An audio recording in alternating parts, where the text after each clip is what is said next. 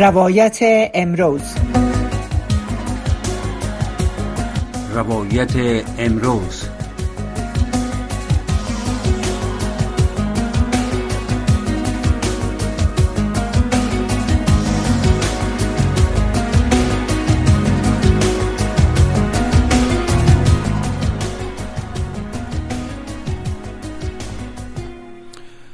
شنوندگان محترم سلام. سید عزیز الرحمن هستم و شما را به برنامه روایت امروز از رادیو آشنا صدای امریکا خوش آمدید میگم. انتونی بلینکن وزیر خارجه ایالات متحده در تازه ترین دور سفرش به شرق میانه ساعات قبل به دوحه پایتخت قطر رسید. ولی قبل از قطر با مقام های مصری به شمول رئیس جمهور آن کشور عبدالفتاح السیسی در قاهره پایتخت مصر دیدار داشت. تلاش برای برقراری آتش بس در غزه در بدل رهایی گروگانان از نزد گروه حماس در صدر اجندای ای سفر انتونی بلینکن قرار دارد. البته پس از آغاز جنگ کنونی میان اسرائیل و گروه حماس ای پنجمین سفر وزیر خارجه ایالات متحده به شرق میانه می باشه این سفر در حال صورت می‌گیره که عملیات نظامی اسرائیل در غزه همچنان ادامه داره نظامیان اسرائیلی گفتند که در جریان 24 ساعت گذشته دهها مسلح فلسطینی را کشتهاند. در عین حال مقام های صحی غزه نیز امروز گفتند که شمار تلفات در ای باریکه به بیش از 27500 نفر افزایش یافته. در برنامه امروز آقای طارق فرهادی تحلیلگر امور سیاسی را با خود داریم تا پیرامون سفر کنونی یا پنجمین دور سفر انتونی بلینکن وزیر خارجه ایالات متحده با شرق میانه و وضعیت در منطقه را به بحث بگیریم. آقای فرهادی سلام. امید است که صدای ما را داشته باشین. سلام و احترام به شما و شنوندگان جهان سپاس آقای فرهادی که دعوت ما را پذیرفتین و امروز باز هم امرای ما در برنامه هستین و ما خوش هستیم که شما را داریم. تشکر بسیار زیاد. سوال اول طور شروع می‌کنم که عمدهترین بخش سفر انتونی بلینکن تلاش به خاطر برقراری یک آتش بس در غزه و رهایی گروگانانی است که حماس از تاریخ هفتم اکتبر به این طرف در قید خود یا در اسارت خود داره. انتونی بلینکن در این سفر به باور شما تا چی حد خواهد توانست که به این هدف برسه؟ خب حالت بسیار پیچیده است. از نگاه حالت در امریکا اگر بر شما ارز کنم حکومت بایدن زیر فشار است که یک آتش بس صورت بگیره به خاطری که انتخابات نزدیک شده میره در امریکا و طبقه جوان در امریکا به اساس آمار که گرفته شده. آستا آستا اتو فکر می‌کنه که این جنگ شدت زیاد داره و غیر نظامی ها کشته میشه و اینطور معلوم میشه که حکومت بایدن کافی به شدت کافی خواستار آتش و در قطنامه های ملل متحد هم خواستار آتش بس نشده. و اساس این جنگ مسئلهش در انتخابات امریکا مهم شده میره به خاطر که یک تعداد دموکرات های جوان نظر به آمار بین 18 تا 25 یا 35 سال سن دل سرد شدن از سیاست خارجی حکومت بایدن. پس حکومت بایدن بسیار زیر فشار است که یک آتش بس به وجود بیاره. در این حال از طرف دیگه اینا سر اسرائیل فشار آوردن نمی‌تونن به خاطر که در کانگرس امریکا و در لابی هایی که وجود داره در دوروبر کانگرس اسرائیل طرفداران خود داره و طرفدار از که در حقیقت جنگ ادامه بیافته و به کامیابی بکشان کشانده شود جنگ چون حال این جنگ چندان کامیاب نشده به خاطر که از تعداد زیاد جنگجویان حماس شاید ده درصدشان از بین رفته به این جنگ و گروگانایی که پیش حماس مانده اونا هم به جز یک چند تای اولش که در اول رها شدن خانم و اینا دیگه کسی رها نشده و آل یک راپور جدید برآمده که از امون گروگان های هم که ماندن امکان داره که 20 درصدش وقت کشته شده باشه در اثر جنگ در جاهایی که جنگ. پس و حماس مصر و قطر یک پیشنهاد داده بودند که اگر حماس گروگانا را رها کنه و یک آتش بس شوه. اما این آتش بس آتش بس دائمی نبوده و حماس هم درست آل اهداف سیاسیش معلوم نیست. آیا اهداف سیاسیش همو اهداف سیاسی اولین است که باید این جنگ ادامه بیافت تا آخر یا است که حماس به حیث یک گروه شناخته شود که بتانه که غزه را دوباره اداره کنه ای را اسرائیل قبول نداره. یعنی اگر شما ببینید راه حل سیاسی برای آخر از جنگ هنوز هیچ وجود نداره. و مشکل در این است که تا راه حل سیاسی وجود نداشته باشه این جنگ خلاص نمیشه. بلینکن قبل از اینکه به مصر بره و عربستان سعودی هم رفته. و در عربستان سعودی از سعودی ها می‌خواه که شما اگر بتانین که گروهی که خودگردان در رمله هستن اینا اگر بتانند که یک لیدرشپ بگیرن که بعد از جنگ اینا بتانند که مسئولیت غزه را بگیرن اون هم بسیار مشکل است. مردم غزه در از اون اعتماد ندارن اونا را اشخاص آرامش پرور می‌دانند. در اونجا جنگ و یپا کمتر است و تمام شار در غزه است. این پیچیدگی از این موضوع است که به شما عرض کردم که در حقیقت آخر جنگ هنوز تا بال هیچ کدام پیشنهاد نیست که همین جنگ امروز ختم شود. اداره غزه پیش کی میمانه آیا ادارهش پیش اسرائیل میمانه ای اسرائیل هم ای آماده نیست که بگیره؟ و آیا ادارهش پیش حماس میمانه که حماس هم کسی اسرائیل و ایالات متحده نمی‌خواه که حماس باز نقش داشته باشه. در وضعیت پس از جنگ. حتی کشورهای خلیج هم نمی‌خواین رسما نمیگن. رسما نمیگن اما همین کشورهای عربستان سعودی یا امارات اینا به دلایل مختلف از حماس خارخور هستند برای عربستان سعودی شما اشاره کردین. انتونی بلینکن یکی از تلاشهایش ای است که روابط بین عربستان سعودی و بین اسرائیل عادی ساخته شود. به گفته مقام ها عربستان سعودی به چنین یک موضوع علاقه مندی دارن لیکن اونا یک شرط دارن و شرط شانی است که یک برنامه مورد اعتبار به خاطر ایجاد یک دولت مستقل در بنام فلسطین یک چنین یک برنامه او باید وجود داشته باشه. شما احتمال عادی شدن روابط بین عربستان سعودی و اسرائیل را تا چه حد ممکن تلقی می‌کنین؟ خوب. این عادی شدن روابط بین اسرائیل و عربستان سعودی در جریان بود اما اینمی واقعی حماس شد و در حقیقت آل عربستان سعودی و کشورهای خلیج علاقه دارن که در آخر کار باز هم با اسرائیل روابطشان بهتر باشه به خاطر که در دلایل تجارتی برشان است. و راه است که از اسرائیل میگذره از کرانه میگذره از و اگر روابط با اسرائیل بهتر باشه برای کل از یا بهتر میشه. به دلایل مختلف. و این در جریان بود و ترامپی رو شروع کرده بود یک قراردادها به نام ابراهام که فلسفهشی بود که همگی اولاد ابراهیم علیه السلام هستیم باید بتانیم با هم دیگر صلح کنیم. و در حقیقت مردم در این منطقه در صلح زندگی کردن برای هزاران سال. فقط بعد ساختن اسرائیل در زمین فلسطین و اینا یک مشکل پیش آمده که این مشکل از صد سال قبل است بگیریم اینطور بگوییم. اما قبل از هزاران سال در اینجا هم مردم یهود بوده هم مسلمان ها بودن و مسلمان ها از 1400 سال به این طرف که دین آمده اما یهودا از 3000 سال به این طرف شاید 5000 سال به این طرف و عیسوی ها یک, یک جایی بوده که همگی بودن. در اینجا زندگی صلحآمیز بین ادیان وجود داشته و این مشکلات نبوده. آلی مشکلات به دلایل سیاسی و به دلایل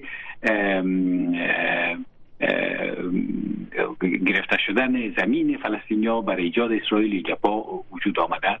خب انال ای فلسفه ابراهام نمی بود که خب بیاین پس مثل سابق وارد صلح کنیم. خب سعودی ها علاقه دارن اما سعودی ها اگر این آل قبول کنن جواب مردم خود چی بدن؟ به خاطر که جنگ در غزه ادامه داره و تلویزیون های که در خلیج است نشان میده هر روز که ژورنالیست کشته شد طفل کشته شد زن کشته شد و این جنگ تحملش مردم از این کشورها ندارن و لیدرایشان اگر بخواهن که امرای اسرائیل امروز صلح کنن باید است که یک راه حل باشه که بگوین که بله نه اسرائیل قبول کرد که دو دولت ساخته شود که فلسطین باشه و اسرائیل باشه و بین هم با صلح زندگی کنن مثل سابق باشه. خب مثل هزاران سال سابق باشه اینال اینمی مشکل در اینجاست که برای برای سعودی ها سعودی ها میگن حالا شما یک یک یک یک چیز رو برای ما پیشنهاد کنید که ما با مردم خود گفته بتانیم که نه در اثر از این جنگ هم خلاص میشه و اسرائیل هم موجودیت دولت فلسطین قبول کرده.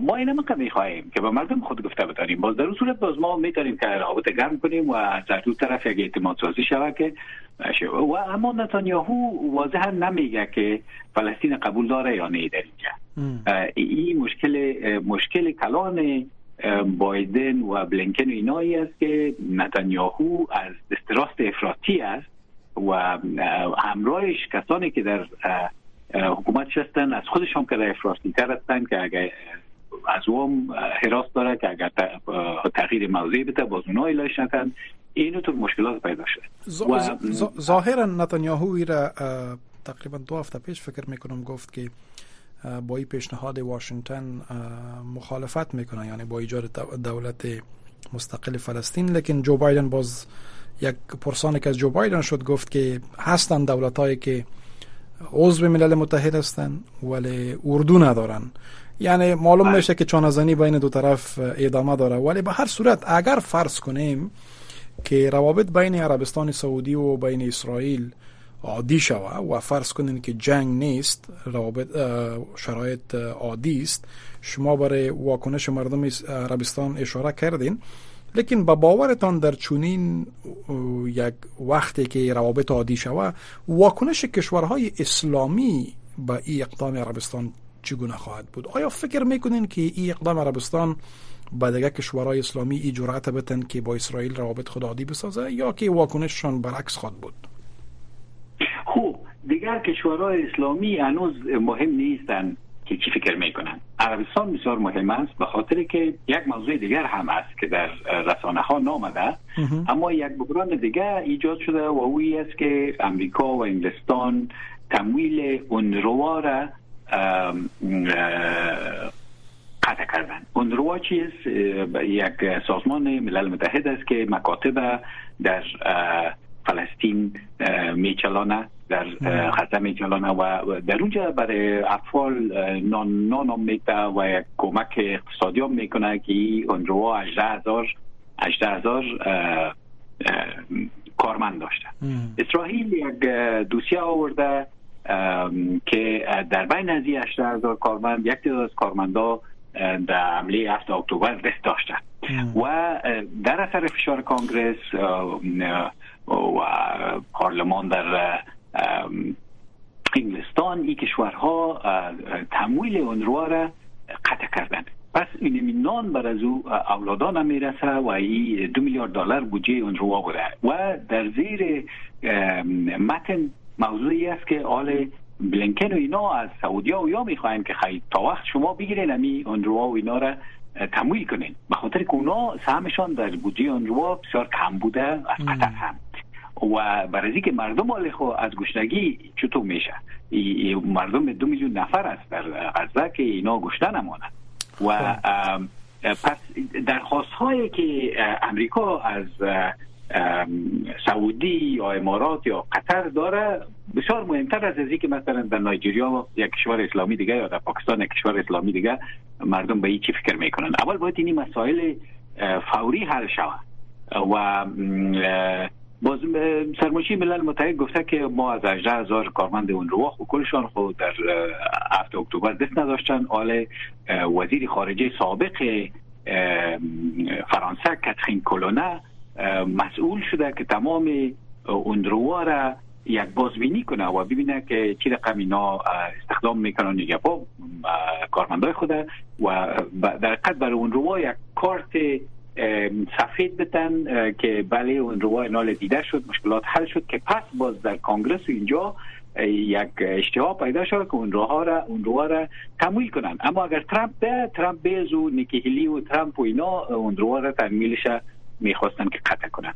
و در حقیقت حال امریکا یک درخواست دیگه داره که در رسانه ها نامده که امو دو میلیارد که ما می‌دادیم برای که کسایی که در غزه هستن از رای اندروا برشان کمک برسه ایره باید که سعودی ها یابتن باز سعودی ها و اینا هم خود دو میلیارد برشان زیاد پیستن نیست. این کارم می‌کنن اما در ایوز بعضی چیزهای می‌خواین و او عبارت از که شما فیصل بن فرحان وزیر خارجه سعودی دو سه روز پیش گفت گفت جنگ استاد کنین خشونت استاد کنین برای ما بگوین که فلسطین حق داره که یک دولت باشه به خاطر که دیوید کامرون وزیر خارجه انگلستان گفته که ما فلسطین پیش از که به وجود باید به رسمیت بشناسیم و اون فیصل بن فرهاد میگه که امو را ما نخواستیم اما بگوین که نمیقدر یک حق داره که ما باز پیش مردم خود تشریح داده بتانیم که این ما فلسطینی ها را کمک می‌کنیم بودجه اونروار یک سیش متقبل شدیم شاید یک قطر متقبل شود و یک روزنه امید وجود داره و جنگ هم خلاص میشه و در اون صورت باز اهمیت حماس خودش کم میشه فعلا چون هیچ کدام از این توافقات به دست نامده اما پیش فلسطینیا قهرمان صحنه حماس است که جنگ می‌کنه. اما اگر اینی توافقات سیاسی به دست بیایه که اونروار عربستان سعودی مثلا بودجهش می‌گیره و اسرائیل میگه که دولت فلسطین می‌شناسیم و حملات اسرائیل و جنوب و برفه و اینا کم میشه و خان یونس یا در اون صورت باز اهمیت حماس هم کم میشه و مردم به طرف یک راه حل آینده می‌بینن. فعلا راه حل آینده تابال وجود نداره. پس از لابلای گپای شما ما رقم فهمیدم که یعنی وادار کردن عربستان سعودی به خاطر پر کردن خلایی که به وجود آمده در قسمت امی اداره ملل متحد که برخی از کشورها با شمول ایالات متحده کمک های خود را به تعلیق در آوردن انتونی بلینکن از عربستان می‌خواد تا این خلا را پر کنه یعنی که مو پولی که قطع شده یا با تعلیق آمده ای پرداخت کنه. تشکر آقای فرهادی. ملل متحد امروز گفت که دو بر سوم حصه قلمرو غزه از وجود باشندگانش تخلیه شده و بیش از نصف نفوس غزه که دو سه میلیون نفر است یعنی اضافه از نصف از در شهر و یا در اطراف شهر جنوبی رفح جمع شده اند. و این یکی از موضوعات نگران کننده برای مصر است. چرا که اسرائیل گفته که دامنه جنگ خود را یا عملیات خود را به استقامت جنوب دیگه هم گسترش میده که شهر رفح شامل از ساخته میشه. و مصر میگه که این کار باعث ازی میشه که مردم فلسطین مجبور شوند تا به مصر عبور کنند. و مصر بدون شک مخالف ای کار است. حتی وجدار داره که اگر چونین یک کار را انجام بده اسرائیل یا چونین یک کار کنه که منجر به ای کار شوه پس در او صورت می‌تونه که توافق نامه صلح که بین اسرائیل و بین مصر وجود داره ای هم آسیب پذیر شوه. با باور شما چونین هشدار از جانب مصر تا چه حد می‌تونه که مانع گسترش عملیات اسرائیل در غزه خب این چهار ماه تقریبا میشه از این حملات در از هفته اکتبر به طرف و در این چهار ماه بعض مقالات برآمده که در اسرائیل کسان هستند به این فکر هستند که مردم غزه چرا نمیرن در مصر. مصر خودش نفوسش 90 میلیون است یک دو میلیون دیگر هم اونجا قبول کنن. دیگه موضوع غزه حل میشه. اینطوری مقالات برآمده. اما در مصر و در کشورهای عربی و ایران فیصل فرخان از پرسان کردن وزیر خارجه سعودی را و او گفت چرا یا زمین خود را بتن برن. این نمیجه خود از هزاران سال کلگی یک جای زندگی کنه پس ما باید به صلح برسیم که کلگی بتانه در اینجا یک جای زندگی کنه. این منطقه به صلح زندگی کنه و دو دولت باشه. پس این فعلا امکانش نیست و اروپایان بعد از هفته های زیاد جوزف بورل وزیر خارجه کمیسیون اروپا بگوییم که از وزرای خارجه اروپا نمایندگی می‌کنه گفت که رئیس مش خارجه اتحادیه اروپا. بله بله. درست. و او گفت که زمین از از فلسطینیا هست و باید اینجا بتانن بمانن بعد از جنگ. به خاطر که کل دو میلیون نفره که در غزه هست دو چند که هست اونا کلشان خو حماس نیستن خو این زمینشان پس اما مصر مصر در یک حالت آسیب پذیری اقتصادی قرار داره. بسیار قرضدار است از IMF از بانک جهانی و ارزش پولش در حال پایین رفتن است. و این دریای سرخ که کشورها کشتی ها از کانال سوئیس نمیگذرن. از اونجا مثل مصر tax می‌گرفت یک fees می‌گرفت. او هم کم شده و خود مصر مشکلات اقتصادی داره که در محاسبات همون کسایی که همون مقالات نشر کرده بودن در اسرائیل که باید مردم غزه را مصر قبول کنه در بدل پیسه. این محاسبات همی است که مثل اگر فشار اقتصادی سرش داد به مثلا اگر کسی برش پول کافی بده ایره قبول کنه. اما فعلا او هم او او با است که بله در کشورهای عربی و در تمام کشورهای اسلامی او یک واکنش ایجاد می‌کنه به خاطر که در حقیقت واگذار کردن زمین هایی که به از فلسطینیا بود کاملا به اسرائیل میشه و او یک ذره فعلا ناممکن به نظر می‌رسه. اما در بگویم که ناممکنات هم کلش ناممکن نیست به خاطر که بعد از اینکه ترامپ اگر رئیس جمهور شود در امریکا بعد از نو ماه او باز چی توافقات می‌کنه؟ و او فراموش نکنیم که خود توافقات ابراهام هم همی ترامپ کرده و چیزایی که ناممکن معلوم میشه شاید ممکن شود در آینده. آینده رو پیش بینی کرده نمی‌تونیم.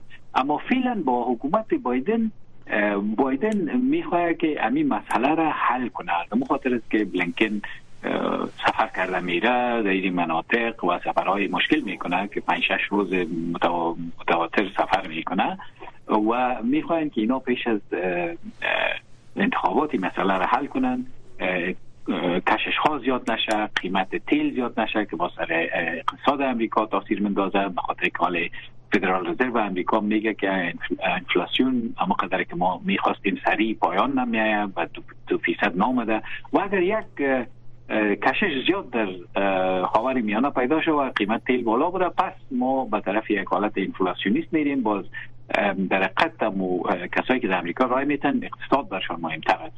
از کل از دیگه پا کنه چرا که خود امریکایی ها از دیگه پا از از امی زیره و پودینی از که تشریح داده هیچ مطلع نیستن علاقه ندارن یا اگر مطلع هستن به یک شکلی هستن که برشان گفته شده.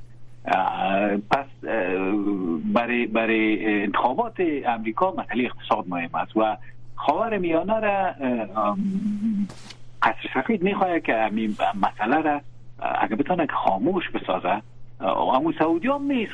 که همی خاموش شود. مثل که اگر هفته اکتبر وجود نداشته بوده باشه آستا آستا پس همی جنگ یک جنگ خاموشتر باشه. اما اگر ما میفه حلام نمیشه. از خاطر وزیر خارجه سعودی میگه همه قماره بگوین که مقصد فلسطین قبول داره. باز ما دیگهش حل می‌کنیم. همون هم تابال اسرائیل باشه ولی اگر از یک طرف تلاش صورت می‌گیره تا جنگ کمرنگ شود با خصوص در با در نظر داشته که در امریکا انتخابات در پیش روست ولی اسرائیل تاکید دارد که عملیات نظامیش در برابر حماس تا زمان ادامه خواهد داشت که گروه به گونه کامل محو شود فکر می‌کنین که محو حماس امکان پذیر باشه؟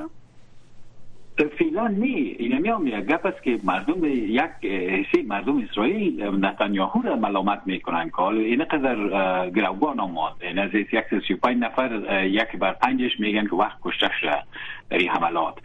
این قدر جنگ هم کردی. 27 نفر هزار نفر هم کشته شد. مردم هم حال اسرائیل به یک شکل می‌بینن می ها در امریکا که بسیار خشونت زیاد کرده. حال آخر موفق نشدی. حالی چطور گپ است؟ حال خوب. بسیار سخت است که اسرائیل از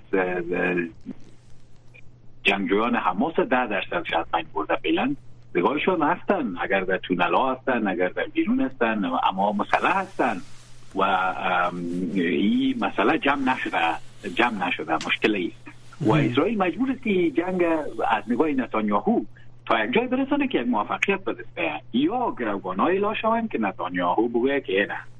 به زور ما گروگان های شد او را حماس فعلا قبول نکرده و وساطت مصر قطر بوده که اما حماس میگه نه این رقم آتش بسته که دائمی نباشه ای برای ما بدر نمی‌خوره. و حماس هم نتونسته که خود منظم بسازه که در حقیقت leadership بعد از جنگ به دست کی میایه آیا به دست کسایی که در رام‌الله هستند در, با دست از اونا مفته اونا رو مردم غزه قبول ندارن. آیا خود حماس می‌تونه که یک leadership بیاره که غزه را اداره کنه؟ فعلا leadership حماس leadership جنگ است. یحیی سینوار اینا که پت هستن اما جنگ ادامه میدن. اما بعضی کسای از یا اسماعیل هنیه و یا در قطر هستن در مصر سفر کرده بوده. حالا یا پس می‌تونن بیاین leadership بگیرن. کل از این چیزهایی که هیچ حل نشده. و در این سفرهایی که انتونی بلینکن می‌کنه در حقیقت عنوانی که ما در رسانه می‌بینیم یک چیز است. اما مذاکراتی که میشه محتوایش اینمی چیز از خالی. چطور کنیم که این مسئله حل شود؟ و پس جنگ همونطور کم رنگ شود پیش از 7 اکتبر به خاطر که جنگ از 2006 به این طرف ادامه داشته وقت به وقت. و اما هیچ کس حتی نمی‌فهمید که فلسطین چی گپ است. حالا در اثر از جنگ کلگی متوجه است که فلسطین چی گپ آقای فرهادی وقت بسیار کم است ما فقط یک پرسش آخر و اگر لطف کنین جوابش کوتاهتر نگاه کنین. با در نظر داشتی که جهان متوجه جنگ کنونی یا وضعیت در شرق میانه و در غزه است با باور شما این وضعیت تا چه حد می‌تونه بر دیگر گروه ها مثل گروه القاعده در افغانستان که گزارش اخیر ملل متحد است که فعالیت رو رشد در افغانستان داره بر این گروه ها تاثیر داشته باشه این جنگ؟ کوتاه البته. خب، تمام از این گروه ها از فیلم ها و مستنداتی که از جنگ غزه می استفاده می‌کنن به خاطر که امو دایه خود گرمتر بسازن و در کشورهای مثل افغانستان و پاکستان اینجا مردم خونشان گرم است و به این چیزا زیر تاثیر میرن بله تاثیر خود داره سردی اما تاثیر فوری نداره تشکر بسیار زیاد. آقای فرهادی جهان سپاس از که میمان ما بودین. در آخرین لحظه می‌فهمم که شما را ما دعوت کردم و شما دعوت را به پیشانی باز پذیرفتین. بسیار زیاد تشکر تشکر از معلوماتتان تشکر از اینکه در برنامه با ما بودین. از بیننده های محترم با مزرد بیننده ها همچنان می‌تونم بگویم چون که برنامه ما در شبکه در شبکه ماهواره ما به گونه مستقیم تلکاست میشه و از شنونده های محترم خود تشکر می‌کنیم که در نیم ساعت با ما بودن. تا برنامه دیگر ما شما را آقای فرهادی و خداوند میسپارم و به می ترتیب تشکر صاحب. سفر انتونی بلینکن به شرق میانه ادامه داره. امروز تازه به قطر رسیده. پس از قطر به اسرائیل سفر می‌کنه و بعدا به کرانی غربی رود اردن میره تا با مقام های اسرائیلی و فلسطینی نیز دیدار داشته باشه که البته نتیجه سفر را ما دنبال می‌کنیم و شما شنونده ها و بیننده های ما می‌تونین که از طریق صفحات اجتماعی از طریق شبکه ماهواره‌ای ما و از طریق برنامه های رادیویی ما تعقیب کنین تا برنامه دیگر. شما را به خداوند یک یکتا میسپارم.